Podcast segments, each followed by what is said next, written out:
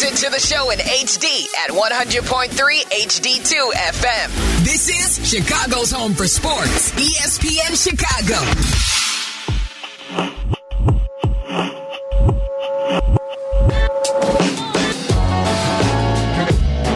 Happy Sunday to you here on ESPN 1000. I'm Jeff Meller along with Brian Hanley, hanging out with you till 11 o'clock today. Bulls on tap here. Going to chat a little bit about the Hawks this upcoming week as well. They've got a big draft having the first overall pick. We'll do that a little bit later in the hour. Of course, we've got your White Sox coverage coming your way at 12:30 today. Pre-game, Connor McKnight there. Len and DJ on the call of White Sox and Red Sox, the series finale, which is currently tied up at one game apiece before the Sox head out on a seven game West Coast trip. So the Bulls, they got into the draft, Bry. They ended up uh, trading two future second round picks to the Washington Wizards for the 35th overall pick so that they had the right to go ahead and select Tennessee forward Julian Phillips, who actually registered the highest vertical at the uh, NBA draft combine. So he can, uh, in a game where jumping is certainly an asset, the Bulls got themselves the best leaper in the draft. Can he jump out of a swimming pool? Because we were excited about that at one point too with the Bears. he can't shoot a three or make a three to save his life, so he'll fit right in. Um, oh, shooting is that important in, in the, the Well, modern NBA? I it could be on certain nights. Uh, I don't know. Um, yeah, but okay, that, that was exciting. I, I couldn't sleep that night. I was so uh, just, You- just turn and tossing o- over that. My sarcasm detector is going off right now, Bry. But I'm going to hold AK to his word because in the uh, post draft press yes. conference, he didn't. He, he put himself out there, didn't he? He, he made he made a, a little bit of a promise. I think So- he, I think he did. Well, I think All right. we made a move in the draft. Uh, I know it's a disappointment. It's not in the first round, but uh, we did. Uh, but they will have to wait until I think until the free agency and to see what we look like uh, after that. The setup to that was, you know, what's the message to fans who are disappointed that all you did was make, you know, a pick in the second round? And so that was him saying, you know, wait until after free agency. I believe that's what you were intimating, right? Yes, right. So June 30th, free agency begins, and AK just told you don't don't jump to conclusions. We you have a draft, you have trade, and you have free agency. Those are your three ways to build a team, no matter the sport, right? Mm-hmm. So now we're down to the to free agency, and he went on to say that ownership, the Reinsdorfs, Michael and Jerry, have green lighted his uh, possibly going into the luxury tax territory if he and Marc Eversley can convince the the Reinsdorfs that whatever free agents or just maybe one premier free agent could make them a top six team in the in the conference, which is a start. I mean, I don't know what to make of this, Jeff. This team is 28th in winning percentage over the last six seasons in the NBA. Now, I never thought. I mean, since the six championships, I, I didn't. I mean, that that's a long stretch to be down uh, uh, in the basement of the NBA, right? Mm-hmm. But they're going to point to the winning record and and from post trade deadline to the end of the season, even though they bowed out in in the in in the play in round, um, and they're going to point to that they played competitively against better teams last year, the best better teams in the league. So they're they're they're two games under 500. I don't know what what standard you're using. The the entirety of a season, the past six years, and they haven't been here for six years. Obviously, the the new front office, but or do you hang your hat on that continuity was the way to go because they had a winning record down the stretch even without Lonzo Ball. And they did come out and say, "Guess Yeah, what? yeah. We're not we're not playing that game. Well, check back at training camp. We'll see where he's at. He's off crutches. They- They pretty much said he's done. He won't Yeah. be part of this thing. Here's the moving offi- here's the official word from AK on Thursday about Lonzo Ball's status. Well, he's you know he's recovering nicely. Uh, I think uh, last month he got off the crutches and you know he's recovering, um, doing his rehab. Um, You know everything is going well. Um, going into off season, I think our expectation is that he's not coming back next season, and he's going to continue on his recovery. Um, if he comes back, it would be great. But we're just going to treat this off season and getting ready for the season that he's he's not going to be back next season. Is there any chance of you guys maybe waiving and stretching? Is that on the table at all? No, no, it's not. Not at this time. No. All right, so you heard him say they're not going to plan on him being back next season. Seems like fine. That's the way, the prudent way to approach it. Seems like it's also a year late in Yes. the way you're approaching it.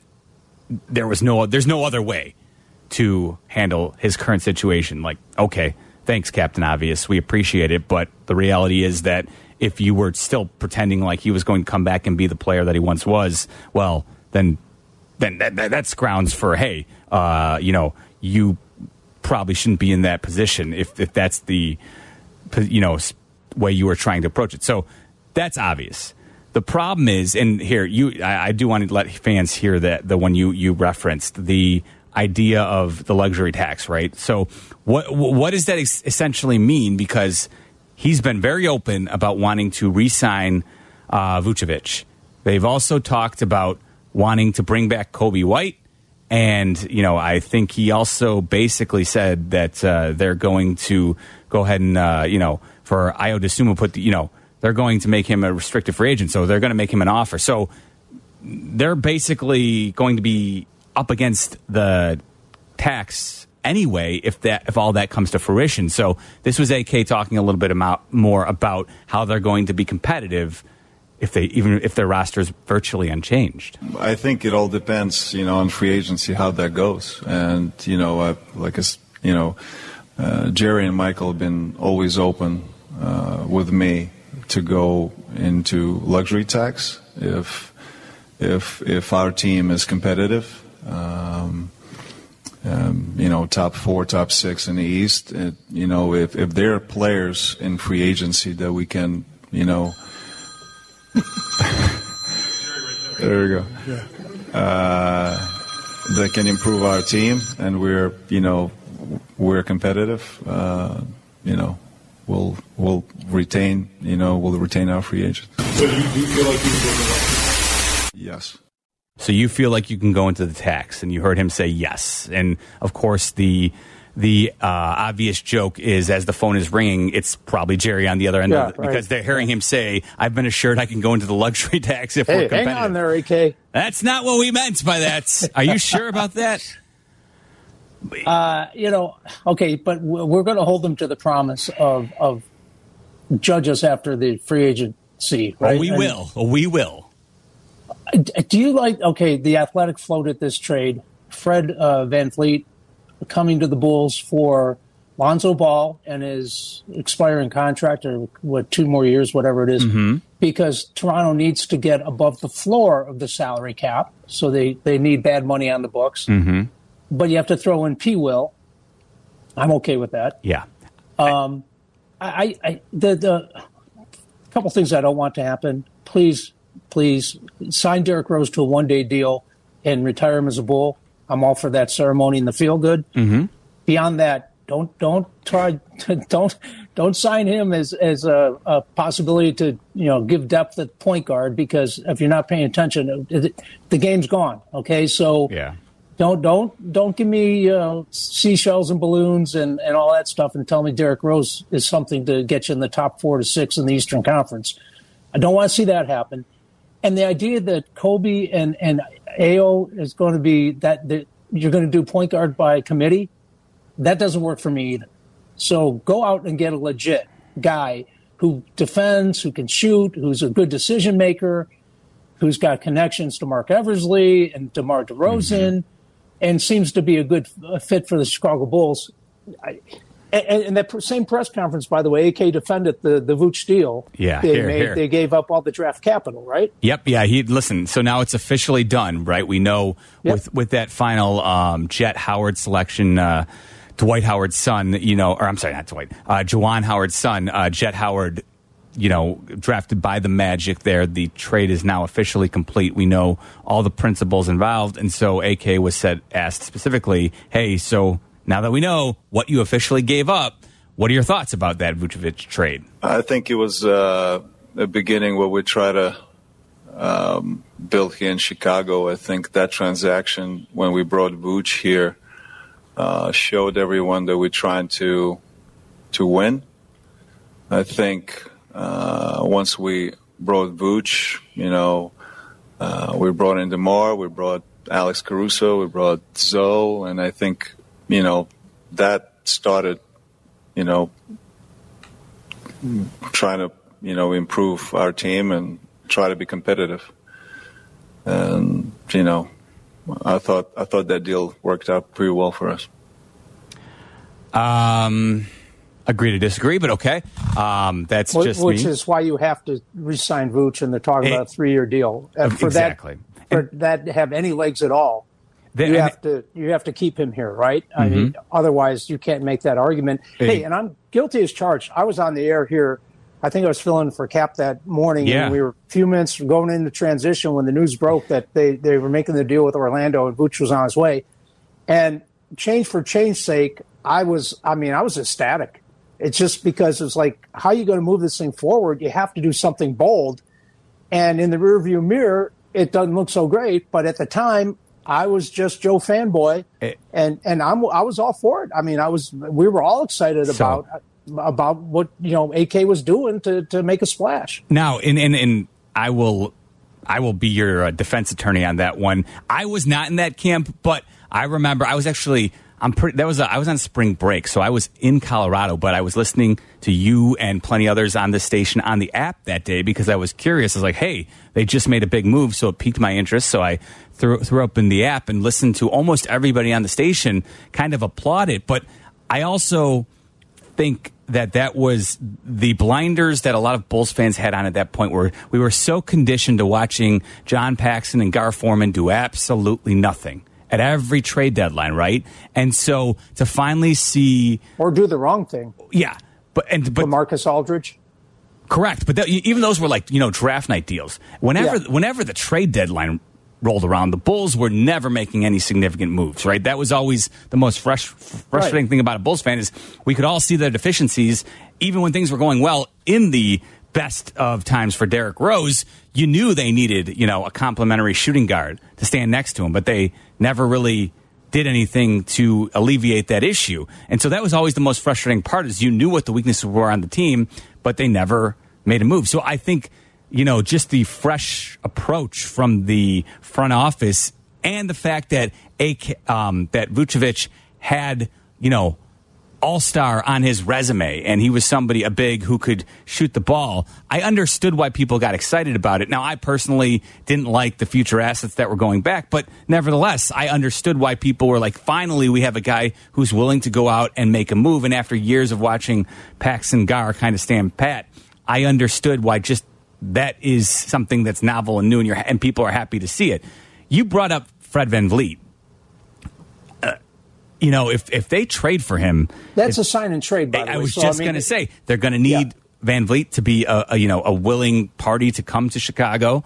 Um, you well, know, it- 125 million might you know make him happy to come go anywhere, and that's what apparently he's looking for Well, in a four-year deal. and- And, and, this is the point we talked about. You know, draft, trade, and free agency. That's how you build any kind of organization. No free agents have been knocking down the Bulls' doors for 10 years, right? That it's not even a stop on the free agent tour anymore. So you have to do something like a sign and trade for a guy like that who could who's going to opt out of his a contract and be a, an unrestricted free agent because and he's an Illinois native or, uh, or you know, Rockford, yeah, yeah, he, yeah. So I mean, there there are reasons he might again. Marc Eversley, Demar Derozan, there might be, and 125 million, by the way, might be enough to say, well, sure, why not? Because Toronto, he's going nowhere with Toronto. He's pretty much done with Toronto. But the fact that AK says, "Well, watch us in free agency," what are you selling in free agency? I mean, what what's your vision? And and, and if you're not going to go in luxury tax territory in a huge way and overpay, because the last time you know I looked, uh, we weren't getting LeBron and D Wade. We were getting Carlos Boozer as a consolation prize. It's not been a destination. The Bulls are not a destination for anyone who's serious, a serious talent in the NBA because they're going to get paid somewhere and they'd rather go where they're going to win. 312 332 3776. Bulls fans, are you willing to be patient? Are you going to give AK a little bit of time and see what happens and how it plays out in free agency? Or are you frustrated and do you think that they're stuck where they're at right now? Feel free to give us a call. Meller and Hanley on ESPN 1000. Longest five minutes of my life. You know? Uh, this is when I started getting the butterflies, and uh, yeah, this is where uh, I started seeing my family uh, get silent. Every everyone watching their watch. Uh, yeah, then I, I got I got called, and I went I went to the back, and uh, yeah, you know I was congratulated by a lot of people there. I, I, I met I saw Adam Silver, shook his hand again, gave him a hug. Then someone gave me gave me this, you know. Someone someone knew this was happening somehow. And uh, yeah, you know, just got a I just got a lot of love. That voice will become much more familiar to you as the years pass on. That is the most recent number one overall pick in the NBA draft. Wemby, Victor Wembanyama, the seven foot five center drafted by the San Antonio Spurs on Thursday night. And boy, there was a lot of debate about the NBA draft and whether or not the fact that people are now not as familiar with the players at the top of the draft because a lot of them are not players who we've seen in college, and if they are somebody we've seen in college, it was might it very likely was a one and done situation. Four of the top five players drafted in this past draft, Bry uh, Meller and Hanley here on ESPN 1000, w- did not play college basketball, and the one who did, then the, the second overall pick, Brandon Miller, only played one year at Alabama. So, Crazy, right? Yeah. um, yeah, it's definitely there's been an evolution as to how players get to the NBA. There is, of course, the G League now. Scoot Henderson, the third overall pick by the Portland Trailblazers, he played in the NBA's G League. So right after high school, instead of he uh, forewent college and ended up uh, playing in the G League. Then you have uh, a men and a Sir Thompson twins who went four and five. The first time that uh, Twins have gone, you know, in the top five in the NBA draft. Um, they went four and five, and they played at Overtime Elite, which is essentially a counter program to Get you the G NBA. League. Yeah, It's, but it's its own entity. So uh, it's it's an it's an oddity that these players who are coming into the draft are now no longer familiar faces like it once was. And I'm curious though, from from my perspective, not so much. I'm I'm I, I'm okay learning new people. That doesn't bother me as much. But the evolution of draft coverage, what we're seeing now. I, Thursday, I can't remember the the product, the television product, ever being. Uh, it was such a like we're giving everyone the feel good story here. The I understand the interviews with the players, but now they're, they're incorporating the interviews with the players' family and parents as well. And it's the combination. It's not just ESPN draft uh, sh- broadcasting the draft, but they've also got the counter programming of, of ABC uh, showing folks the draft. But there is a simulcast, essentially, With the Manning brothers. well, there's a simulcast of Monica McNutt doing the interview of the player and the families. So now the ESPN draft coverage, which I primarily watch because I listen, if, if you're somebody who loves to root for the, the feel good story, I, that's great. I have no problem with it. But I thought that's what the ABC draft was for. But now it's come to a point where everything is about it. Listen, it's, it's a great achievement for players who have worked their entire life to reach this goal, and they have done it, and it's great. It's awesome. I'm not going to belittle that in any way, and I understand the achievement, and I understand how proud they are. I understand how proud their parents are of them. But as a consumer of basketball, watching ESPN, I thought I felt like the entire broadcast was completely lacking an analysis of what these players were going to bring to this team and what I could expect. And I think it's more important when we're less familiar with these players we're being introduced to. I'm, I'm with you. And I guess they're going with the idea that most people are casual fans and rather hear the background, you know, give you an idea of who the kid is. And when you talk about Victor uh, Wembanyama, Wemby. Yeah, Wemby. I mean, he, even though everyone knew that San Antonio was selecting him with the first overall pick, just like Kyle Davidson's going to select Connor Bedard, you heard, you know, what it meant to him when the moment actually arrived, even though he knew it was coming. Which But I'm with you. If you're playing for, a, a, you know, elite or whatever the you know glorified club, I mean, all they are are really places to go to perfect your game to mm-hmm. make you more attractive to the NBA, right? But it's not like you're watching the NCAA tournament for one, if not two years, and watching that kid star on the biggest stage under the brightest lights, right? So I'm with you. You'd like to have someone breaking down the game or telling me why he was selected second, third, fourth, fifth, or whatever. But I think it's just the they always err on the side of hardcore fans are going to find that, and we're trying to entertain as much as anything else. So let's just go the path of least resistance and talk to mom and dad and coach and whom you know whoever else can add to the feel good. Well, eh, listen, that's and, and I, I agree with you. That's probably the when they're sitting down in the production meetings and talking about okay, how are we going to approach this?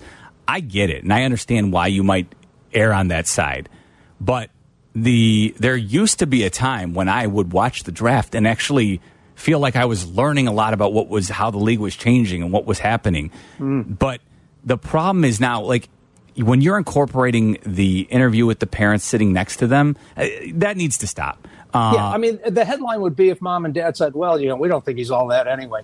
I mean, if mom came out and said, "I think he's overrated," now you got a story, right? I mean, what do you think mom and dad are going to say about It- no, exactly. about And, and here's the other issue: it's different for the players. I, I want yes, yeah, they need they deserve their moment, and Monica McNutt or whoever you want in that role interviewing them. That's cool.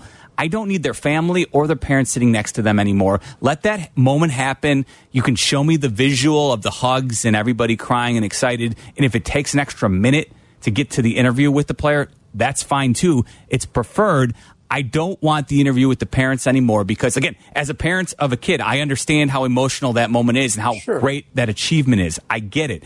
But for the most, for the majority of the parents who are sitting in front of the television camera, that's the first time they're ever doing an interview like that, right? The players are a little bit different. They've if they're going to overtime elites like the Thompson twins, they're training for that, right? If they're in college That's part- basketball, that's part of- yeah, that's they're of used their- to getting a post game interview. Yeah. But the and, and and the pro like you said, the parents are just going to throw a bunch of praise at their child, which is great. But it does it adds nothing. And the problem is now too the way it was executed on Thursday night.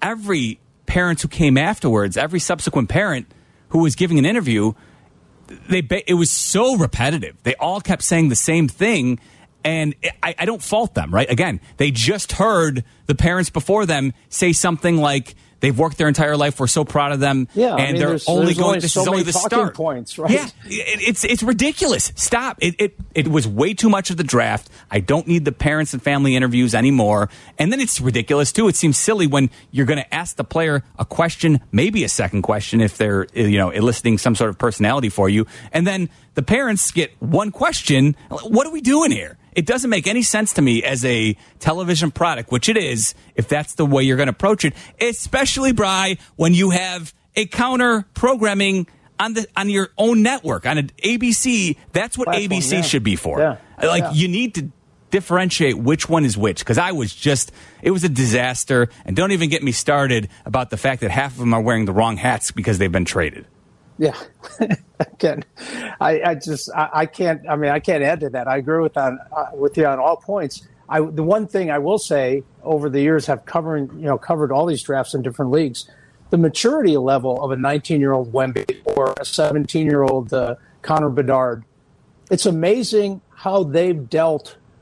And with the with social media exploding, even in the last five years, six years, whatever, being a focal point for all those years on all those different, you know, everyone wants a piece of you. Everyone's got their eyes on you. Um, to be able to handle that pressure or whatever you want to call it, and and do it for the most part, they do it in a, a, a top notch class way, and and it doesn't impact them negatively. Um, I'm I'm impressed with the the maturity when you're talking about kids, basically 17, 18, 19 years old. No, you're you're absolutely right. The maturity level of some of the players, and it certainly helps when to, to what we were just kind of like referencing there when you're when you're an athlete and you have designs on potentially going pro at a young age. We've heard all the stories about Connor Bedard, and we'll talk a little bit more about Bedard. Maybe if we get a chance, if Mark Lazerus, if his plane has landed in Nashville yet, he'll uh, join us here shortly.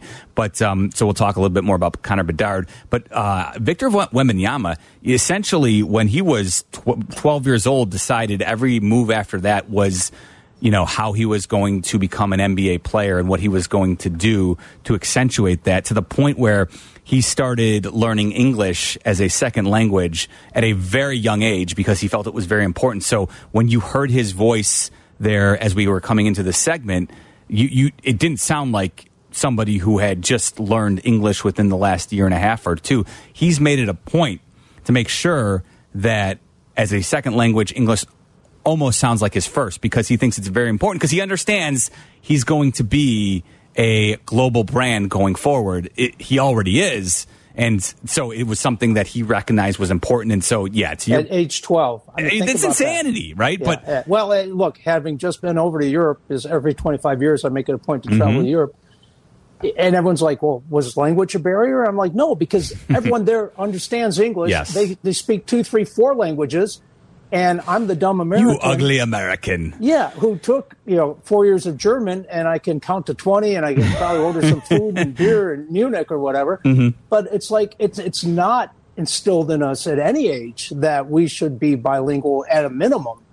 And around the globe, it's I mean it just it's amazing, and it's always astounding to me how everyone knows English as part of the two or three languages they know, and most of us can't speak English correctly on a regular daily basis. I'm guilty of that as well. especially those of us who host radio shows. He's Hanley. I'm Meller. Uh, we'll dive into uh, why Wednesday is going to be a huge day for the Hawks. We'll talk about it next year on ESPN 1000. The first overall selection in the 2023 NHL draft belongs to the Chicago Blackhawks.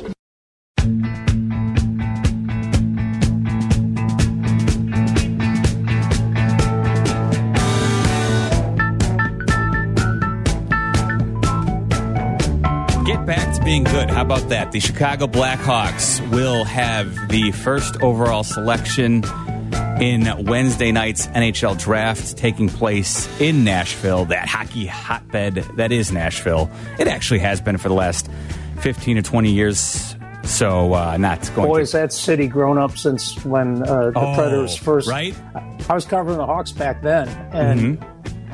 I mean, first of all, it was like two blocks of honky tonks, and Yes. then there's a bail bonds place, and there's a boarded up. For, I mean, there was really no there there. You know, oh, there's the Ryman. Auditorium. Okay, what? What? do You, you could see Nashville in like an hour, Mm-hmm. and um, it's just every country star has a bar now, a Yes. huge bar Yep. and and it's just people are are moving there in droves because it's a desirable place to live and and yeah it's it's become it it's become a sports hotbed not just obviously hockey but uh boys that, that city and and grown up in a huge way Yeah, Smashville these days. But uh, so they will be hosting the NHL draft on Wednesday night, where Connor Bedard will make his entry into the league, and of course the Blackhawks will be selecting him.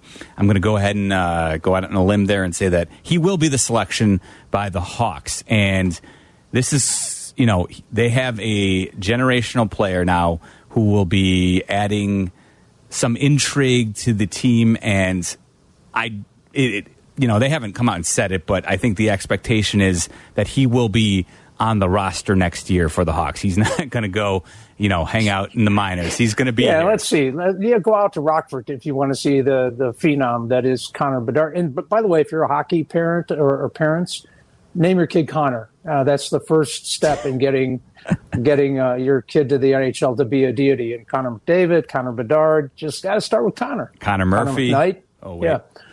Um, yeah Connor Murphy. okay see there's a I've, flaw in taken every I've taken it a little too far. yeah um, But uh, you know, in, uh, so I was gone the last couple weeks in Hawaii, and the, Connor Bedard. One of the stories that some folks may have heard, but plenty of others may have not, when he was, I don't know exactly. I forgive me because I should have looked this up. I don't remember the age. I think he was maybe twelve or thirteen.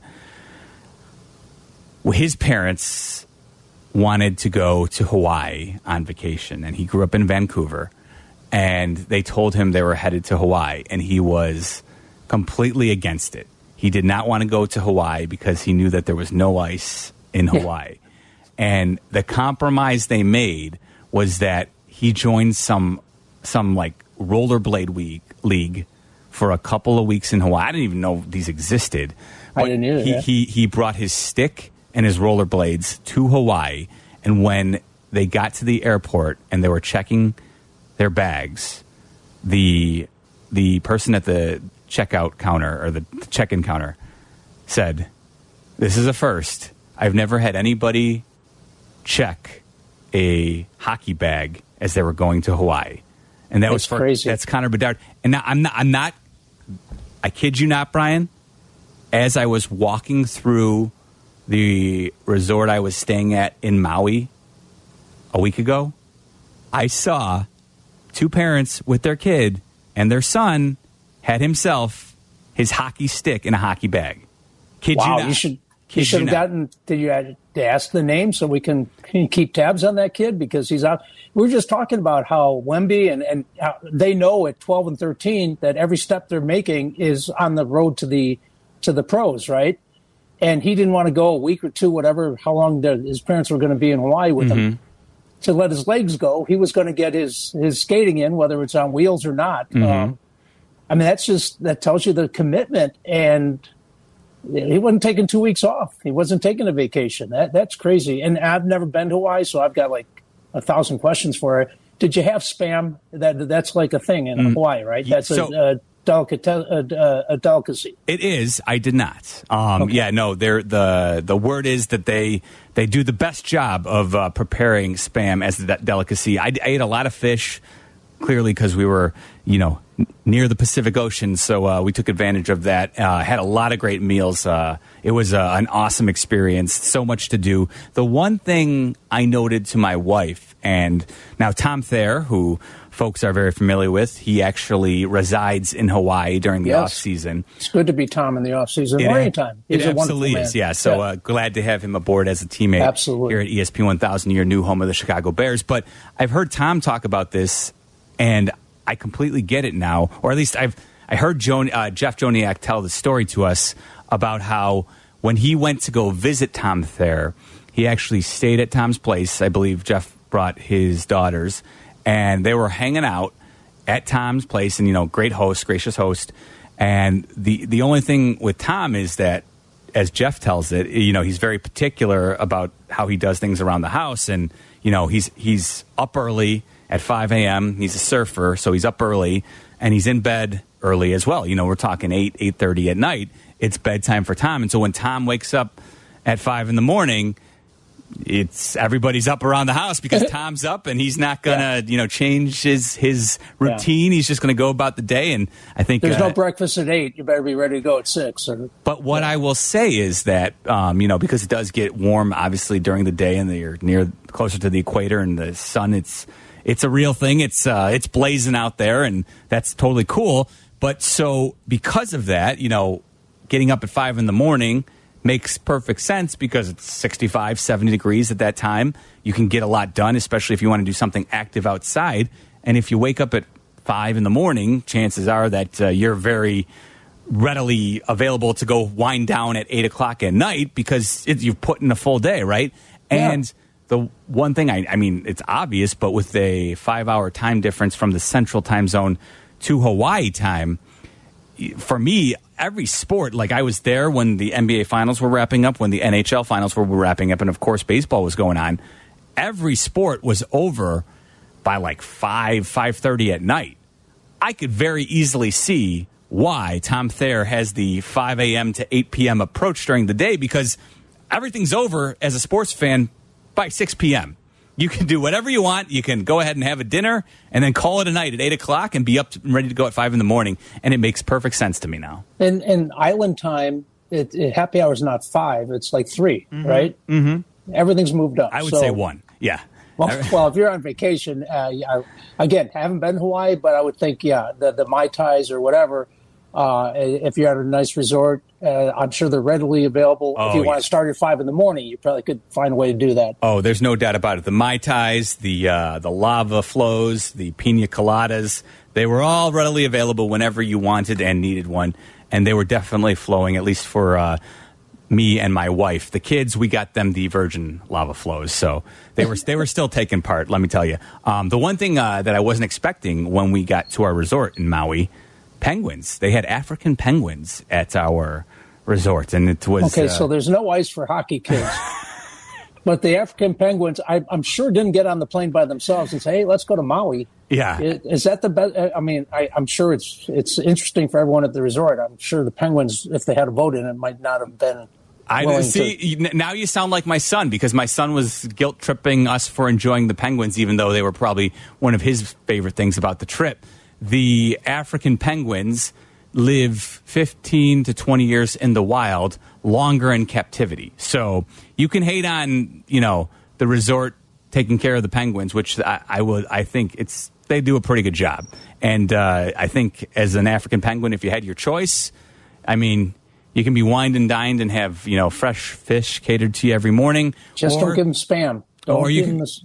You could go out in the wild and try and fend for yourself and probably uh, lop off ten years of your life expectancy. The choice is yours, Bry. Well, I've been to the Peabody Hotel where they march the, the ducks. Was it ducks? What, what that they go through the lobby? Is it? Uh, it's been a long time, but that's like a thing. At five o'clock, everyone's there to watch whatever, whatever that that is. I don't know, but That I'm unfamiliar with. So Yeah, it look it looks like it It- looks like ducks. It looks like Yeah, ducks. it looks like- What and then, time yeah. do the ducks walk at the Peabody? Peabody. Well, and there's like a duck handler. That's his job is to be, you know, duck master or whatever you call him. Um, I don't think they had duck on the menu though, and I'm I don't like duck to eat or walk through the lobby either necessarily. Uh, yeah, I'm not. I'm not a fan of duck myself so much. No, either. no, never Yeah. really. Uh, no thanks. Uh, three one now, you know, cut into a penguin. What? No, No. All right. no, don't serve Stop that. it. 312 332 3776. Uh, break up the Reds. They finally lost, but they uh, they have been rolling as of late. We'll chat about that. And a big injury. We got an update, and it is not good around Major League Baseball. And uh, some final notes about the White Sox as well. Pre-game coverage starts at 1230 with Connor McKnight. Meller and Hanley on ESPN 1000. Listen to us now, live on the ESPN Chicago app. This is Chicago's home for sports. ESPN Chicago.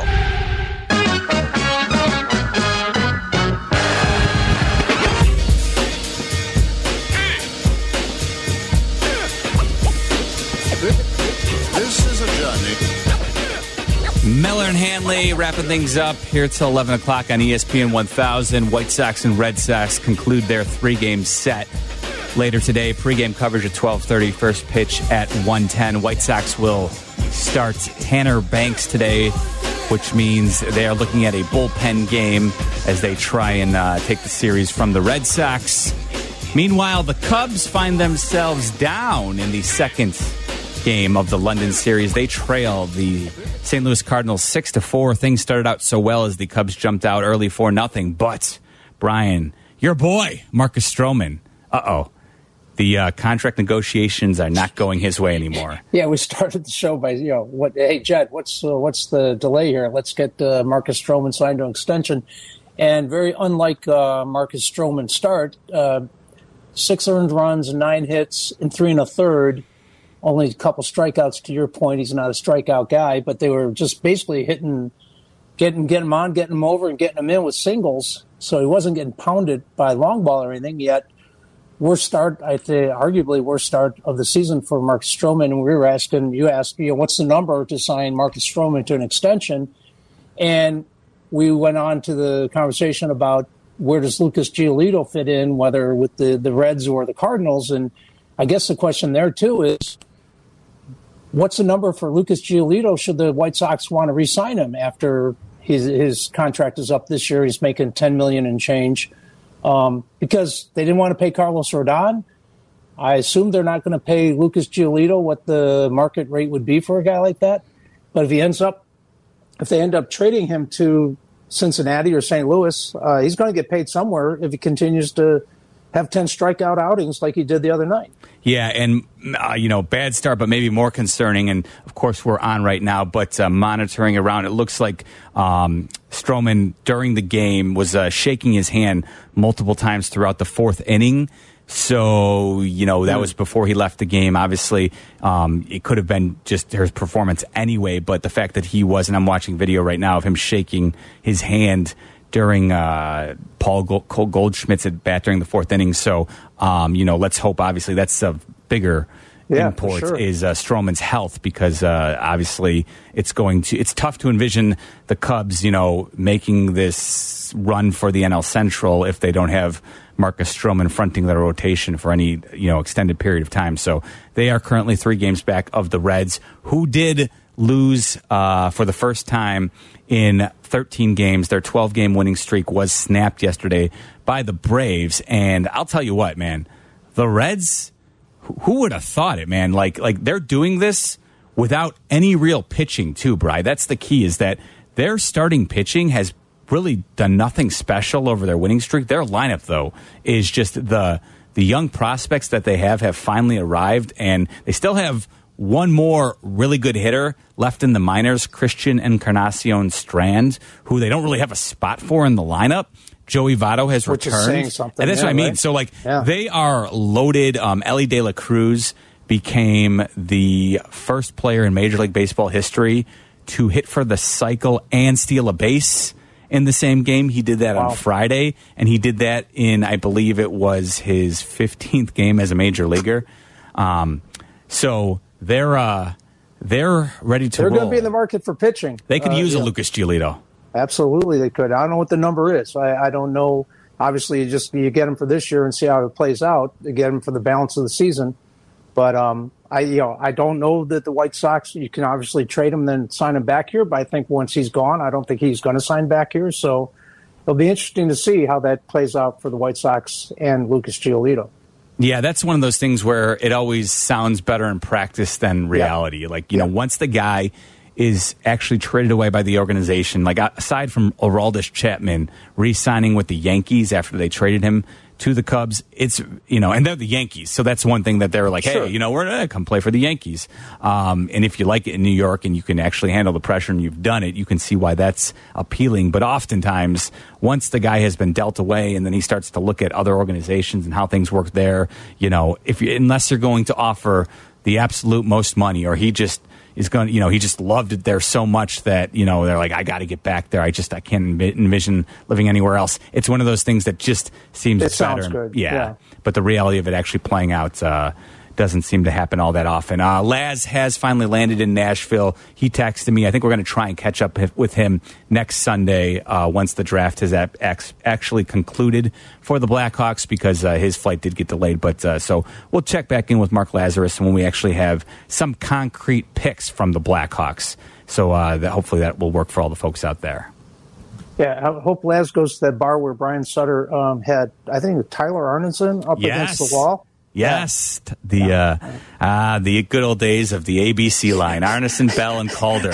You gotta And- love and- hockey lines; they always have good nicknames. Yeah. And and Brian probably had a few pops in him at the honky tonk and got tired of the kid and, and literally picked him up, put him up against the wall, and read him the riot act. Probably not the best coaching decision, and you, could, you, could- you couldn't get away with that now uh, in these days. But back then, it was a different time. Oh boy, I can't wait until we can actually get back to talking Hawks in a more meaningful way. That'll be fun because, uh, and that all starts on Thursday night when the Hawks have the number one selection. Um, they also have the 19th pick from the Tampa Bay uh, Lightning, so we'll see if they stay there or if they actually look to move up. All right, that does it for us. Thanks to Kendra Smith for producing. Bry, thanks to you, my man. We will uh, talk again next Sunday. Always a pleasure. I got to let the Penguins in. Ah, I love them. All right, Meller and Hanley, thanks for listening, folks. White Sox pregame at 1230.